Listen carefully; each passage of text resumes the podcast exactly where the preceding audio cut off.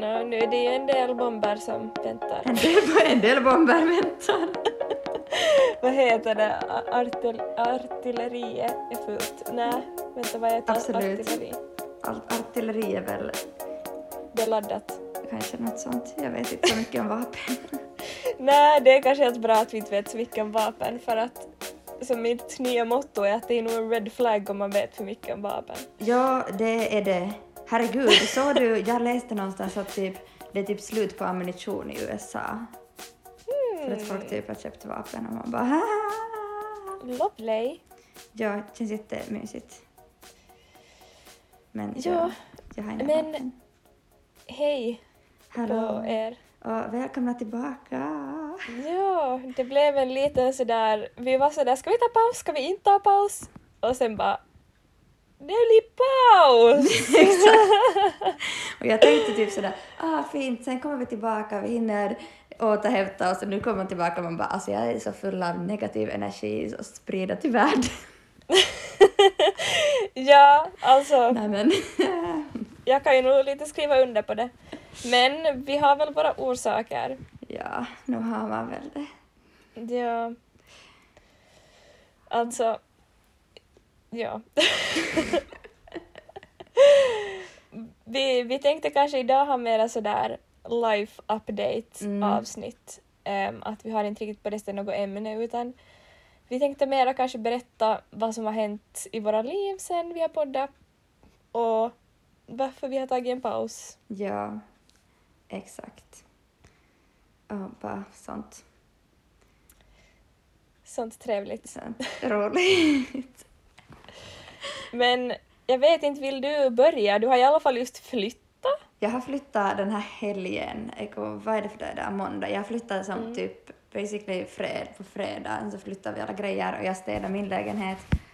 Uh, men Hetas lägenhet städade vi ännu på lördag och sen har jag liksom ännu idag typ packat upp saker och fört till saker till källaren och sånt. Men ja, jag har flyttat och det är skitnice och det var också jättejobbigt.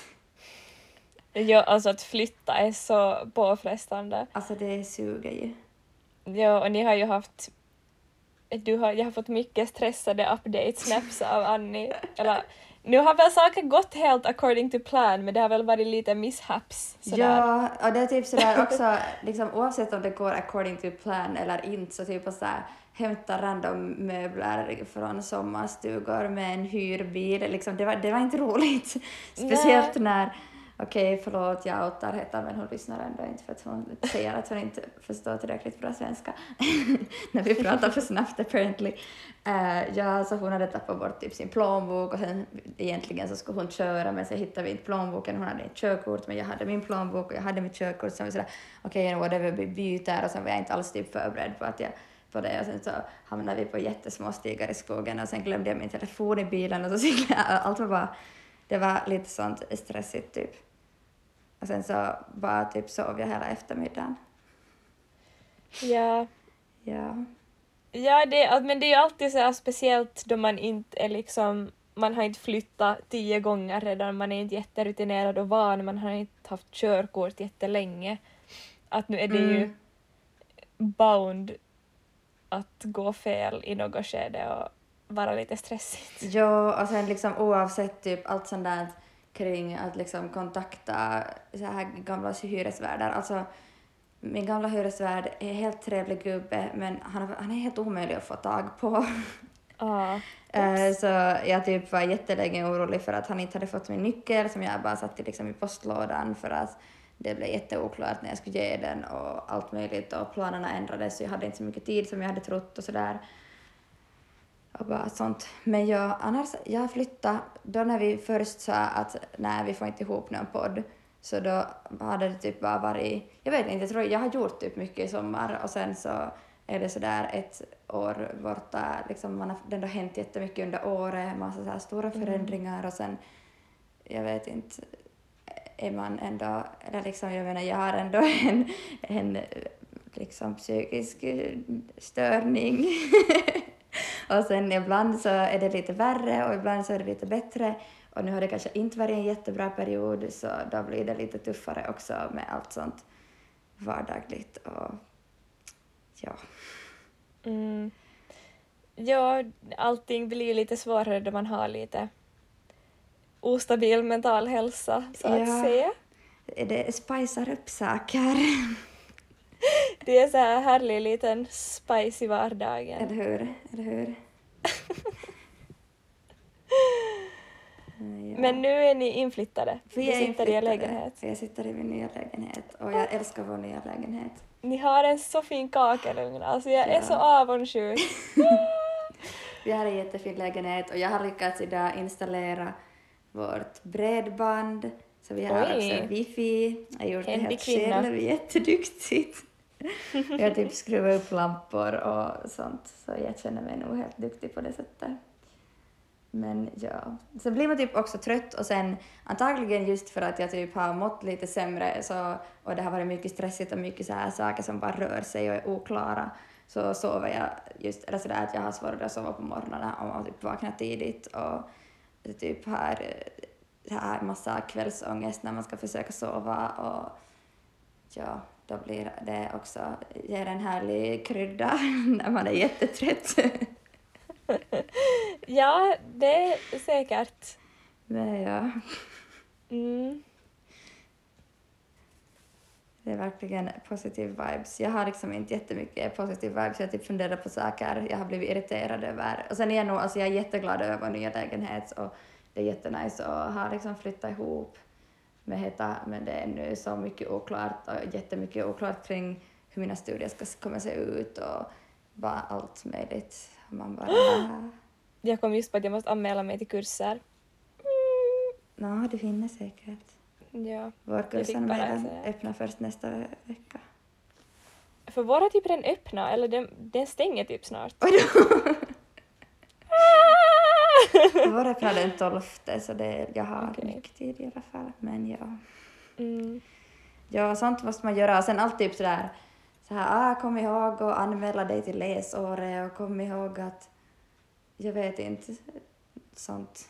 Man bara ja, Kom ihåg att komma ihåg. exakt. Men ja, Ja. sånt. Vad har du att komma Ja. med då? Ja, no, jag tänker att jag nu tar det. för att jag ändå frågat de inblandade personerna om det är okej att prata om. Mm. Och det är okej. Och det Och är vet- bra, en viktig sak att prata om på, ändå på ett sätt.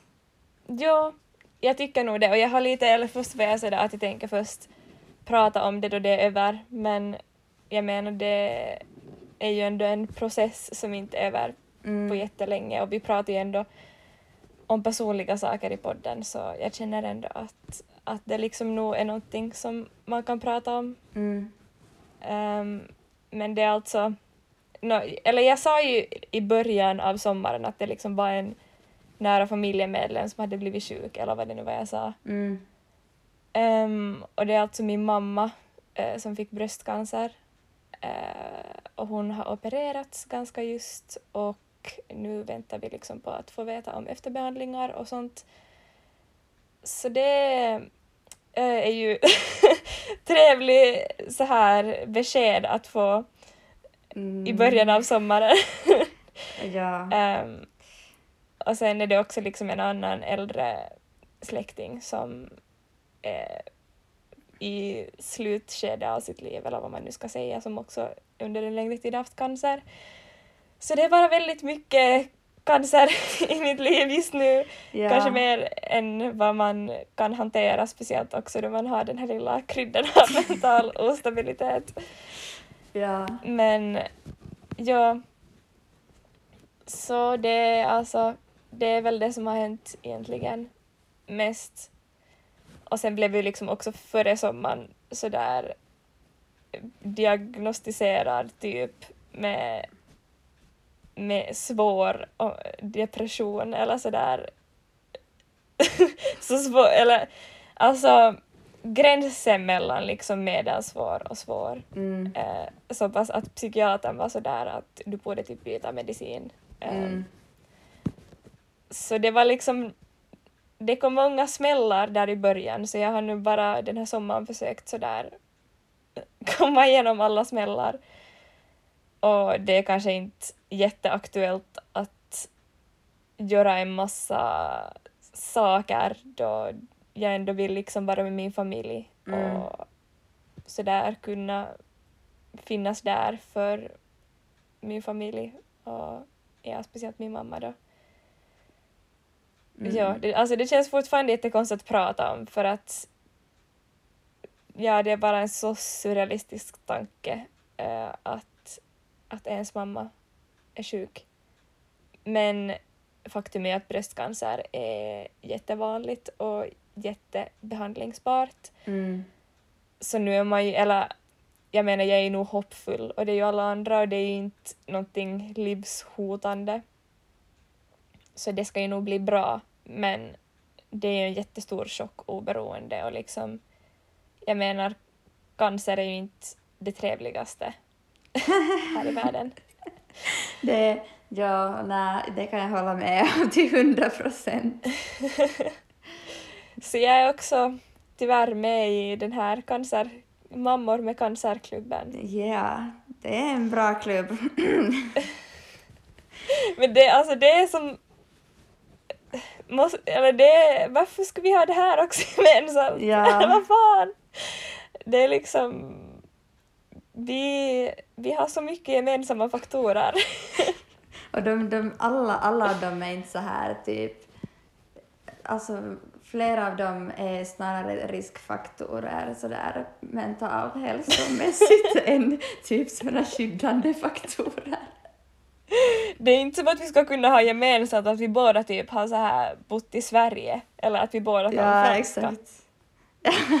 Nej, nej! Nej, nej, nej, nej. Ja, nej.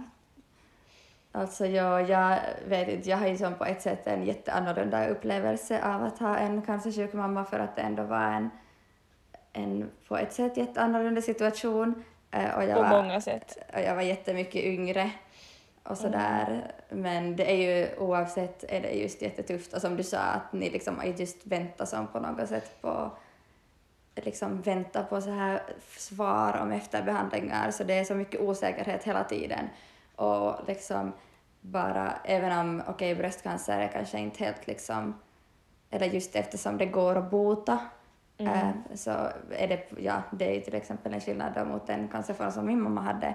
Men just liksom på något sätt väntan på besked och när man inte vet och att det ändå liksom finns någon slags rädsla hela tiden över att nästa gång liksom, telefonen ringer eller nästa gång man kommer hem från skolan så är, liksom, är det någonting som har man fått veta någonting nytt eller det har hänt någonting eller liksom, man kommer hem från skolan och de bara ja by the way de måste fan till akuten och liksom, eller som, ja och ni kanske inte är i det skedet men ändå liksom den osäkerheten och de på något sätt att det kan komma olika sorters nyheter hela tiden är bara jättepåfrestande.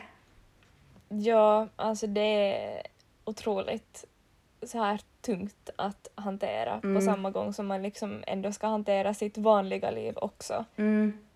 Och sen bara liksom, no, det är väl någonting man vänjer sig vid också och någonting som man kommer över men det är nog också på något sätt en liten chock att se sin förälder uppenbart sjuk. Att det, bröstcancern syntes inte på det sättet innan ehm, operationen men efter en stor operation så blir det som så påtagligt att det är någonting Mm. som har hänt. Att det är också typ en chock i sig tycker jag. Mm. Och eh, liksom, ja, du är mycket äldre än vad jag var liksom, men, äh, när mamma blev sjuk, men det är ändå som man är fortfarande ung och Mm. också när man är liksom 20-21 så är ju ens förälder fort, liksom den som eller man tänker sig ändå att det är så här föräldern som är den som är stabil och den som kan liksom hjälpa en ekonomiskt och kommer liksom och flyttar åt en. Så då blir det ju nog som en jättestor chock och förändring och jätte liksom krånglig situation när det sen är helt på något sätt, inte nu tvärtom, men ändå delvis tvärtom för att sen har man liksom en förälder som, ja, det är som sådär en person som är den som har gett trygghet och som ska, eller jag typ tänker att, sådär att ah, föräldern den hjälper sitt barn men sen så är man i en situation där det liksom på grund av liksom andra orsaker som ingen har kunnat påverka och ingen kan göra någonting liksom desto mer åt, så måste liksom de rollerna helt förändras också. Mm. Och det gör ju att det är som på något sätt mycket mer än att ja, det är som på något sätt mer än bara att någon har liksom cancer, så en cancerform som ändå är ganska ofarlig för att det finns liksom så mycket i de alla relationerna runt det hela tiden. Ja, och det är liksom det som man bara hela tiden får vara tacksam för att det var just bröstcancer, för det ska kunna vara så mycket värre. Mm. Att, att jag, jag vet som inte ens själv vad det är som är jobbigt, att det är bara så många sådär små faktorer. Och just sådär att man just har blivit vuxen och ändå upplever på något sätt mer det här ansvaret som inte man kanske skulle ha haft om det här skulle ha hänt för sådär fem år sedan. Mm. Och att bara liksom omställningen till att bli vuxen och sen ändå att på något sätt känna ett annat ansvar och liksom just som du sa över en förälder som har en så tydlig roll av att vara den som tar hand om en och min mamma har liksom alltid varit ett enormt stort stöd med mina mentala problem och sådär. Mm. Både praktiskt och emotionellt, liksom mitt största stöd.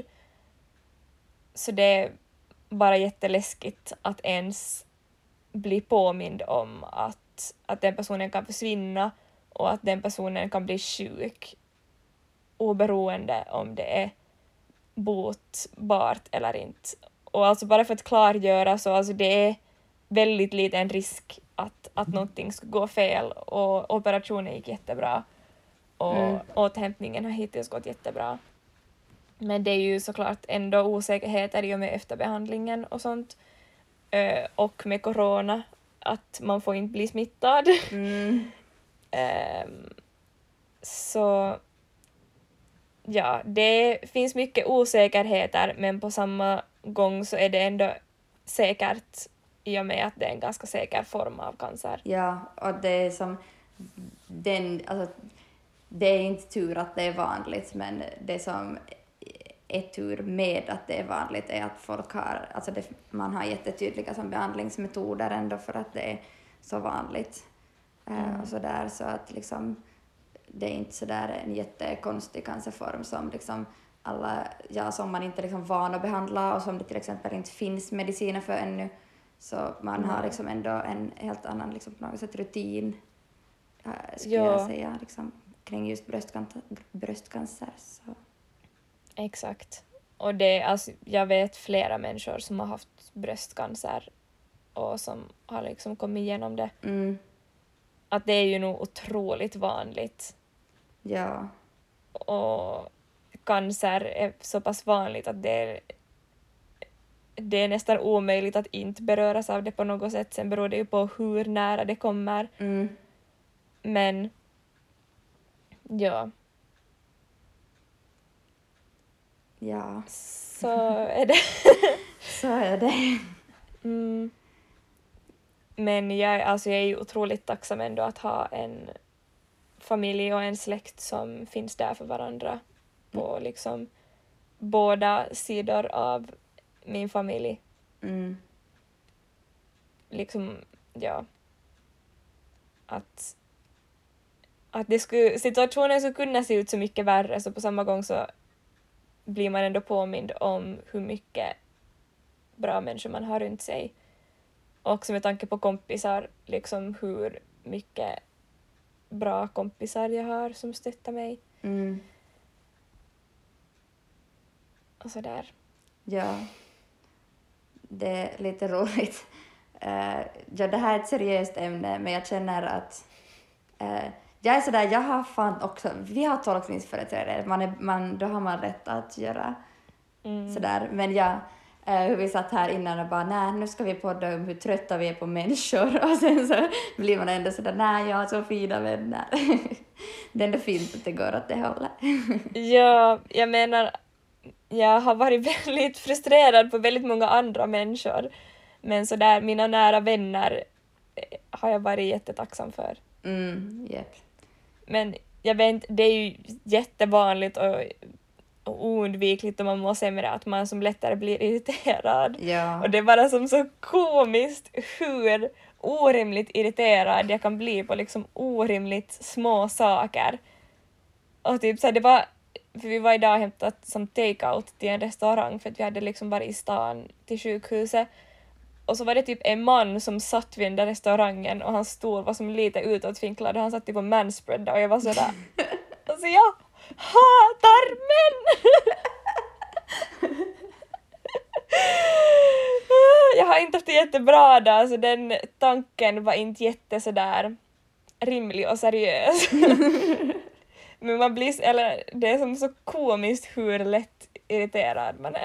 Ja, alltså allt, jag vet inte, allt är ju nog som, jag vet inte, allt påverkar allt så mycket och sen reagerar man ju nog jätteorimligt på vissa saker. Mm. Men jag, jag känner typ igen den där frustrationen. Uh, och jag vill inte, alltså det här känns typ oschysst, jag vill inte hejta på lärare, men jag har återgått till att vara så jäkla frustrerad över liksom just uh, ja, vissa vuxnas bemötande när jag har varit liksom eh, tonåring och ung och ett barn och liksom, jag, var, jag hade typ, det var lite random, för jag hade just ingen energi, jag var på båten äh, med pappa och hans partner och äh, vi liksom, jag sov på riktigt 14 timmar per dygn. Men sen så när jag den enda stunden när jag fick liksom någon slags energi var när jag tittade på någon moln och kom ihåg hur en lärare hade sagt att på soliga sommardagar hade gett fel åt mig i ett prov för någonting. Och sen bara började jag ranta till pappa om hur jäkla arg jag var på alla mina högstadielärare. och jag är sådär, de är säkert jättebra människor. Jag hatar inte mina högstadielärare och jag har själv haft väldigt, väldigt komplicerade förhållanden till skolgång, typ hela grundskolan. Eh, men ja, jag är inte heller Ja. beredd att ge förlåt till. Jag förlåter inte någon. Och då sen så kom jag hem typ Uh-oh, don't cross Annie! ja, men sen kom jag typ eh, till... Ja, jag träffade Heta någonstans, säkert i Jyväskylä först, ja, så träffades vi här eh, i början av veckan. Går början av förra veckan blir det, men ja, och jag var helt sådär att alltså, jag har kommit på nu att fan, jag är inte beredd att förlåta dem som har varit dumma mot mig. och då var jag så jäkla bara sådär jag vet inte, jag är sådär, du, det är liksom, jag är, inte, jag är inte skyldig att försöka upprätthålla relationer med folk som inte är värda det. Och det låter så jäkla elakt och så jäkla, jag vet inte, nonchalant. Det är inte elakt, Men jag typ- det är jätterimligt. Så kände det och då var jag helt sådär att, nej, att, att ska jag verkligen liksom sätta min energi på att på något sätt försöka söka liksom på någon slags bekräftelse eller liksom låtsas upprätthålla relationer med personer där jag tycker att det finns saker som har gått så fel och vi aldrig har rätt ut och jag inte längre liksom tycker det är värt att sätta energi på att liksom reda ut. Och jag, får fortfarande, jag ska fortfarande vara arg på mina högstadielärare. Det får du bara. Nej men det, var, det pratade vi om här lite före också, om typ med den här tacksamheten till mina nära kompisar och de som jag märker att har funnits där för mig. Eh, sen har jag varit ganska dålig på att prata om det för att det är jättejobbigt för mig att prata om. Eh, och ja, det, det är bara en jättejobbig situation och jag Mm. har liksom inte känt att jag har orkat prata och berätta om det. Ehm, Och man är ju jag- inte heller som skyldig att berätta och förklara heller. Nej, jag vet, men jag vet att jag själv också skulle må bra av det och Mm. liksom mina relationer skulle må bra av det så jag försöker att vara bättre på det. men sådär att det blir också så tydligt eller jag har också haft en så, liksom som du beskrev, samma känsla av att sådär, jag orkar inte med en enda person i mitt liv som inte bryr sig om mig för att jag är så trött på att sätta energi på relationer därifrån det är så tydligt ensidigt och där liksom andra parten inte alls bryr sig. Och jag har bara kommit typ till en så här jättestark punkt att jag blir så jäkla irriterad på liksom människor som bara tar en för givet. Mm. Och alltså det här typ, ja, det känns så konstigt att jag liksom ändå relaterar för att jag är typ världens största motståndare till att så här cut all people who don't give you energy för jag tycker inte att det liksom det, inte, det finns inte heller någon slags skyldighet i en vänskapsrelation att ge energi men det finns liksom ändå kanske inte att liksom ge energi till den andra men det finns kanske någon slags skyldighet om att äh, liksom antingen förklara varför man inte har möjlighet att vara liksom aktiv i en relation men ändå vill ha kvar mm. den eller, liksom, eller säga någonting eller att liksom på något sätt ändå visa att man tycker att den relationen är värdefull och det, är liksom, det betyder inte att det kräver liksom att du som alltid ger och ger och av dig själv utan man, klart man ska sätta sina gränser och ingen person ska alltid behöva ge i en relation och det finns bla bla bla. Det finns stunder när ena tar mer energi och andra ger mer och allt sånt och det är jätteokej. Men liksom när man på något sätt, när man börjar känna att, att, att man typ, inte sådär utnyttjas, men typ att, att varför finns, varför liksom sätter jag energi på att på något sätt öppna min vardag och liksom berätta sånt som jag tycker är personligt eller liksom skapa plats för någon i mitt liv eller få bekräftelse av någon i mitt liv eller på något sätt bli omtyckt av någon när det inte känns som att man får någonting tillbaka. Men ja, alltså jag har jättebra vänner. Jag gillar mina vänner men jag är typ också, eller jag vet inte. Jag, jag vet inte, det känns så kliché. Jag, typ jag är fed up på så här, fake relationer. Jag vet inte, typ något. Jo, nej men alltså jag håller helt med. Alltså jag är också, det är inte alls det jag menar och liksom det är inte det att jag känner, just som du sa, det kan inte någonsin vara sådär precis 50-50 mm. och det är mm. okej okay att det inte är så och det är inte som att jag skulle som katta ut människor bara för att jag känner att de inte ger mig positiv energi. Nej. Utan det är mer bara sådär att jag menar man kan ju nog ändå känna av då personer på ett eller annat sätt visar att de som bara inte har ett intresse av att vara i ens liv, att det är väl snarare det. Mm. Att jag tror att många människor håller kvar vid relationer bara för att det ska vara liksom en trygghet för dem att falla tillbaka på mm. snarare än att de faktiskt känner att de behöver en person i sitt liv. Mm. Och det är just, eller jag har haft kompisar som har typ nu också sådär som jag inte annars kanske har haft jätte pratat jättemycket med eller som känt att jag kan vända mig till som har skickat liksom att, att, att det finns där för mig och sånt. Och det är som bara så uppenbart att det är, in, det är inget svårt att göra och det är liksom jag skulle så mycket förstå om någon skulle skicka sådär att, att hej, jag orkar inte vara här för dig just nu oj, att jag känner tyvärr inte att jag klarar av att vara ett stöd men jag vill ännu liksom vara din vän såklart och det är ju en helt annan sak. Mm.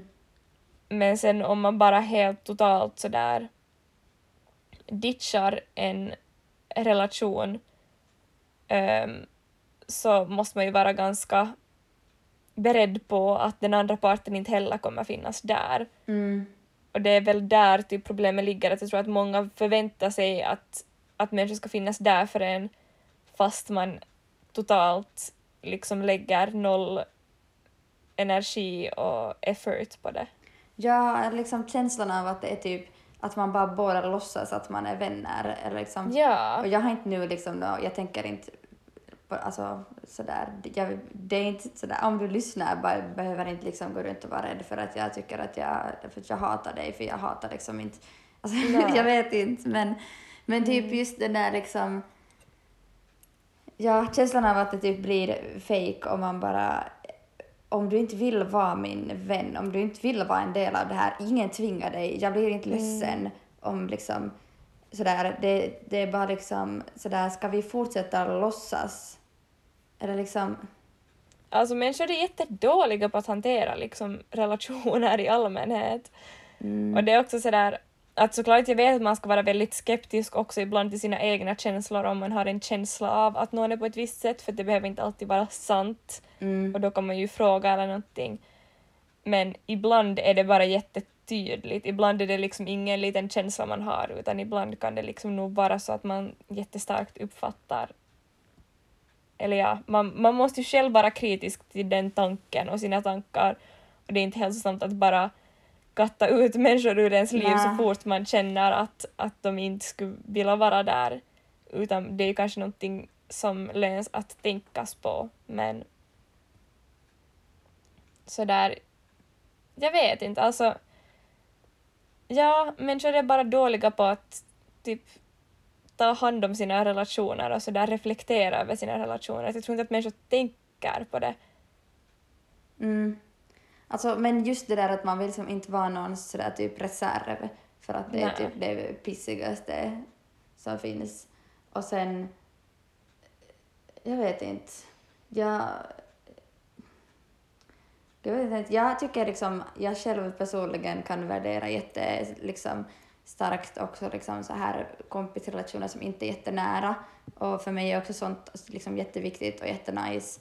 Men när det är liksom inte ens en sån, eller jag vet inte, när man liksom inte, när det känns som så tydligt på något sätt att man inte, alltså det liksom inte finns någonting i det. Mm. Och liksom att... Ja, för att sen så inte... Ja, liksom, jag har kompisar som jag hör av jätte, jättesällan och som jag ändå uppfattar att är liksom ja, men som viktiga personer för mig och sådana som jag absolut vill upprätthålla relationen med och som liksom Mm. sådär, vi, vet du, man typ någon gång svarar på någons Insta-story och liksom typ skickar ett julkort och får ett julkort eller en, något sånt, alltså sådana små saker. Mm. Eh, och då det, beh- behöver man liksom inte sådär ha jättemycket kontakt hela tiden. Nej. För att det känns som att den kontakten man har ändå på något sätt kommer från båda hållen och att man på något sätt båda är, vet vad man har för sorts relation och att det finns någon slags trygghet i det. Men sen när det känns som att man är i en relation där man inte liksom vet vad det är, om man vet lite liksom, eller sådär att om man berättar någonting så vet man liksom inte vad för, för reaktion man får, om man får en reaktion och liksom på något sätt, ja, jag vet inte. Jo, nej exakt alltså som vi har pratat om också, där man bor på olika ställen och sånt, det blir, man kan inte vara nära med hur många människor som helst på samma gång. Ehm, och man kan inte ha kontakt med alla hela tiden. Men det viktigaste är ju att man vet som var man har varandra och vilken typ av relation man har, som du sa. Mm. Och att man ändå liksom då det kommer till kritan på något sätt kan visa att man finns där. Ja, det känner jag typ och, och det är liksom inte så... Eller sådär, om vi går typ tillbaka till så här cancergrejen, vilket kanske också är en orsak till att jag har känt mig frustrerad över liksom...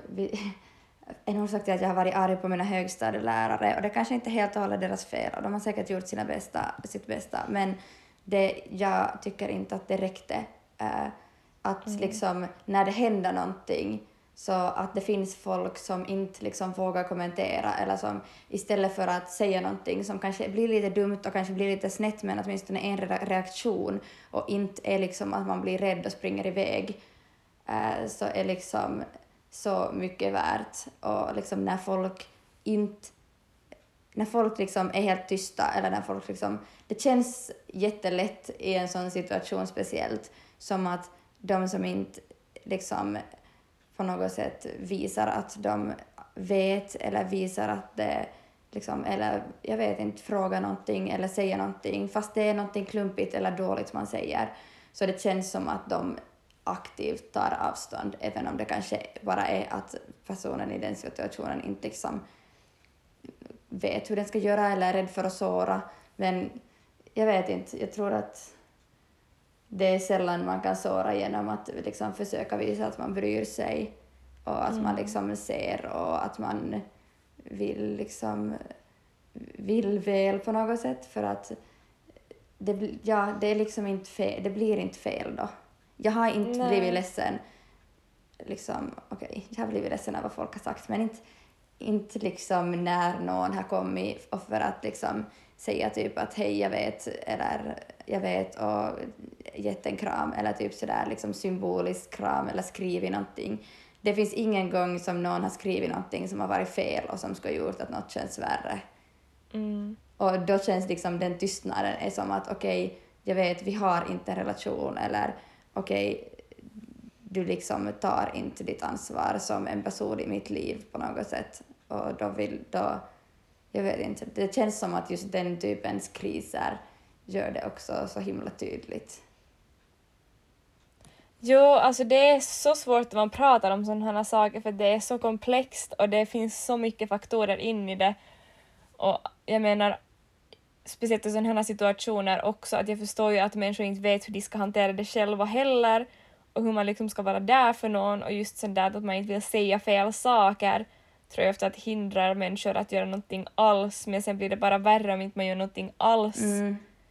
Um, att jag vet inte, det är bara jättesvårt och det är jättesvårt med kompisrelationer och sånt där för att jag är själv, alltså jag är jätteemot tanken att man bara ska klippa ut människor ur sitt liv.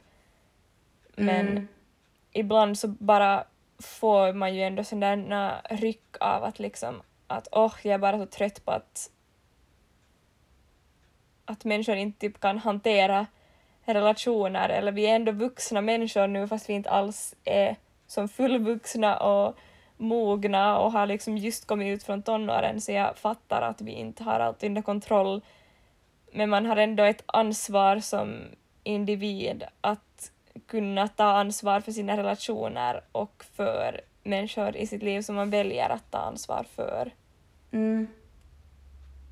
Och liksom kanske jag tänker typ att, att sådär att ja, det är klart man blir liksom ledsen om man inte om man någon kompis typ, jag vet inte, gör kompis slut med en eller något sånt. Men då blir man ju ännu Mm. mer ledsen om det känns som att man bara blir totalt ignorerad och man får liksom inte veta någonting och man ska försöka på något sätt gå runt och låtsas som att man är kompisar fast det känns som att alla vet att man inte är det för då skapar det bara någon slags frustration.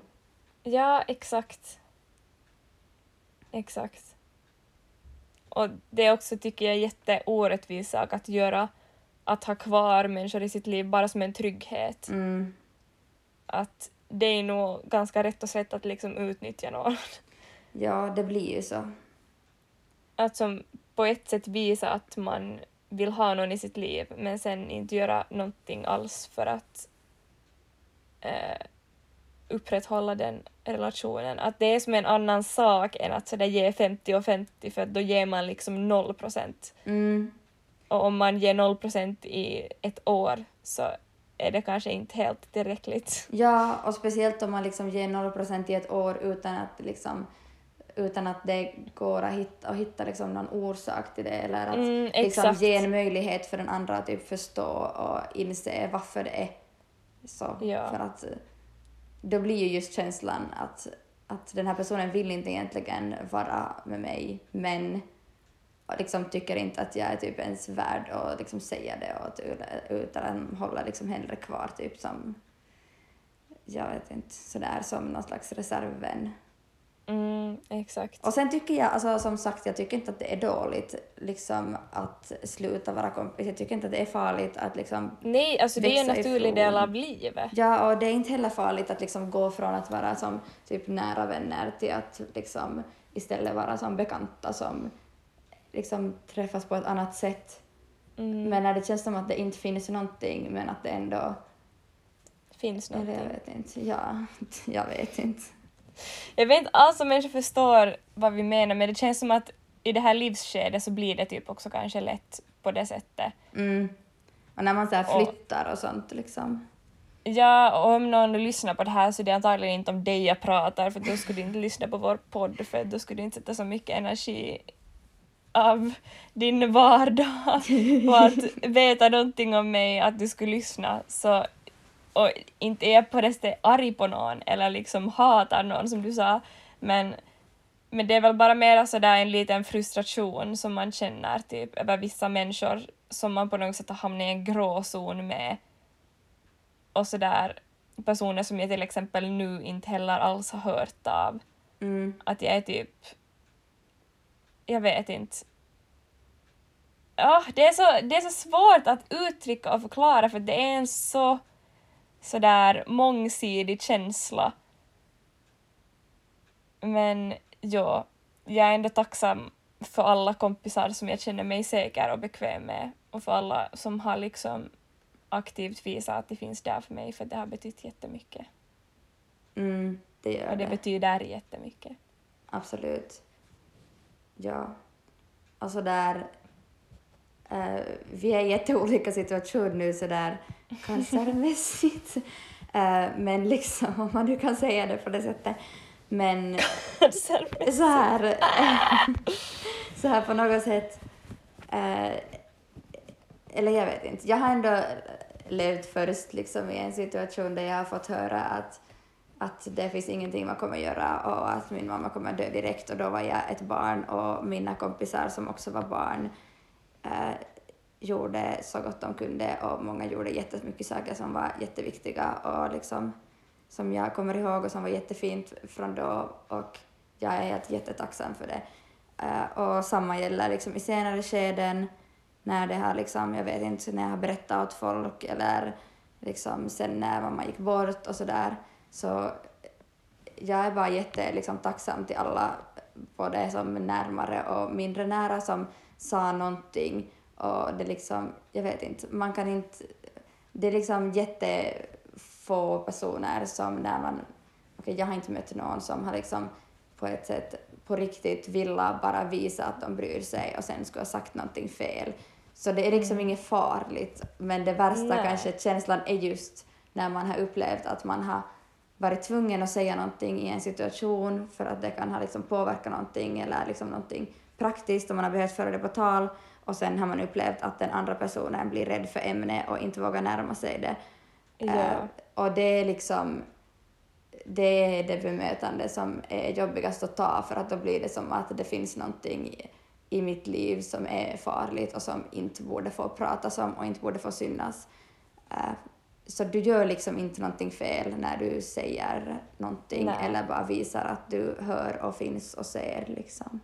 Och jag menar, alltså det är därför vi pratar om sånt här i podden också, för att vi vill visa hur viktigt det är och hur odramatiskt det kan vara att prata om sådana här saker. Mm, Att, att såklart, jo, det är en jättestor grej, men det får inte bli en så sådär oåtkomlig grej att det inte går att prata om, för att det gör bara saken värre, att man måste ändå kunna prata om saker fast de känns jobbiga. mm, Och sen förstår jag att alla inte hanterar det på samma sätt och jag menar många av mina kompisar hanterar det på jätteolika sätt mm, och liksom sagt och gjort jätteolika saker men jag uppskattar alla sätt för sig för att jag vet och jag märker ändå att de bryr sig och det är det som är det viktigaste. mm, exakt. Och sen är det sådär att, Att- du är liksom inte skyldig att göra någonting på ett visst sätt och just sådär. Nej.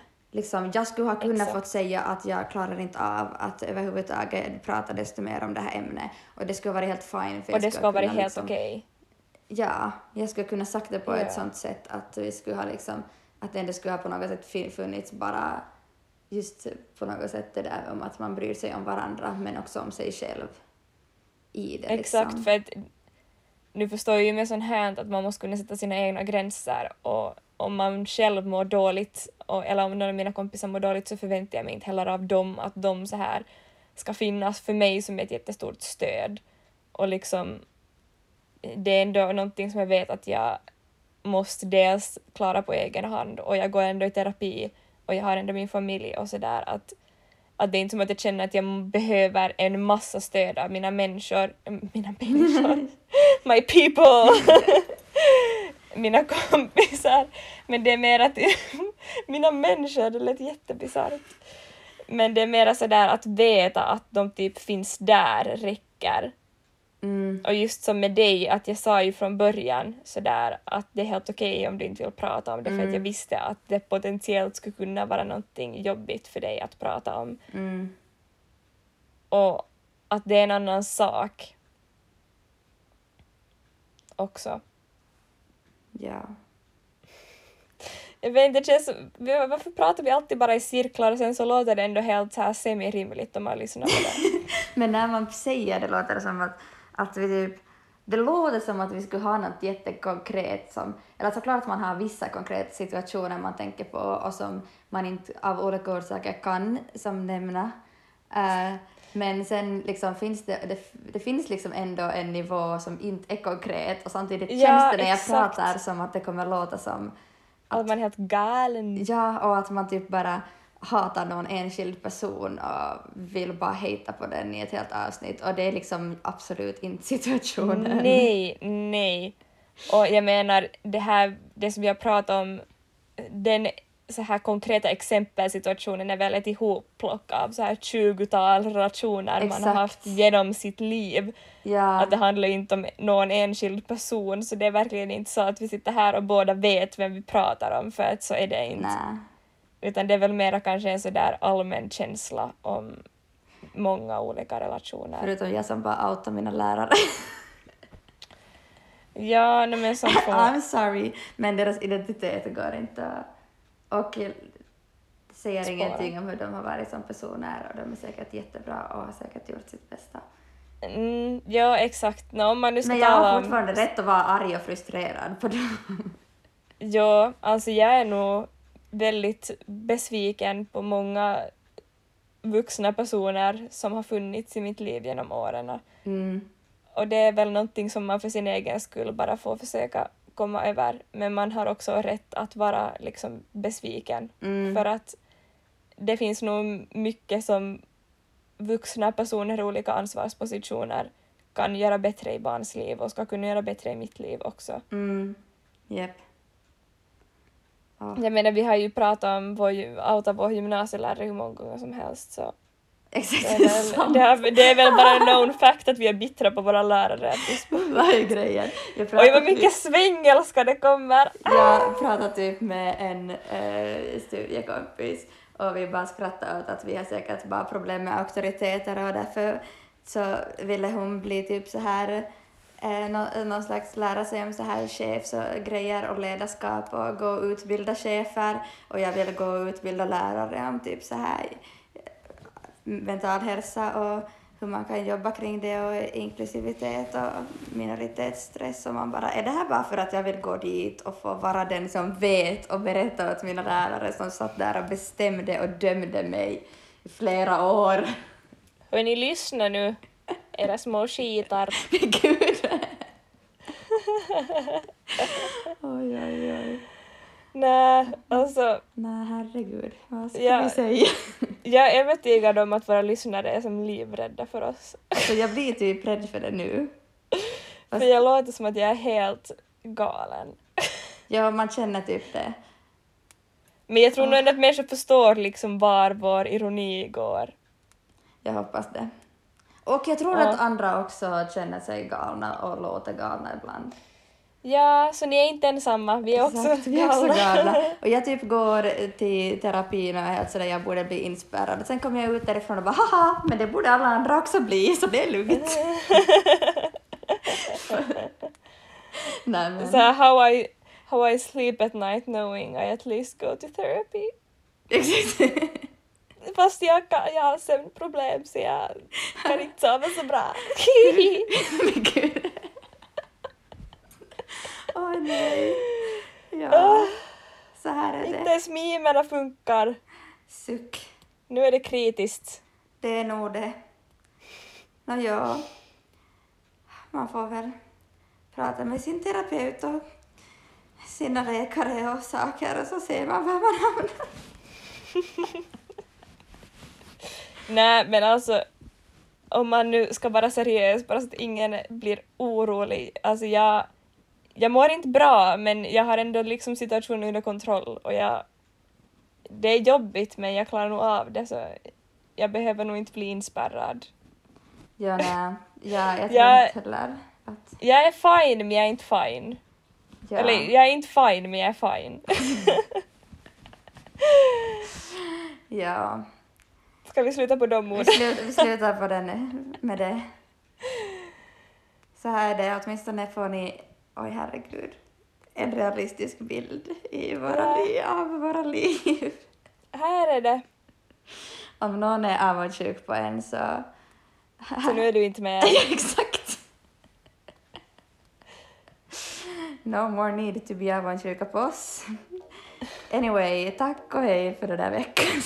Anyway, tack och hej. Hej då.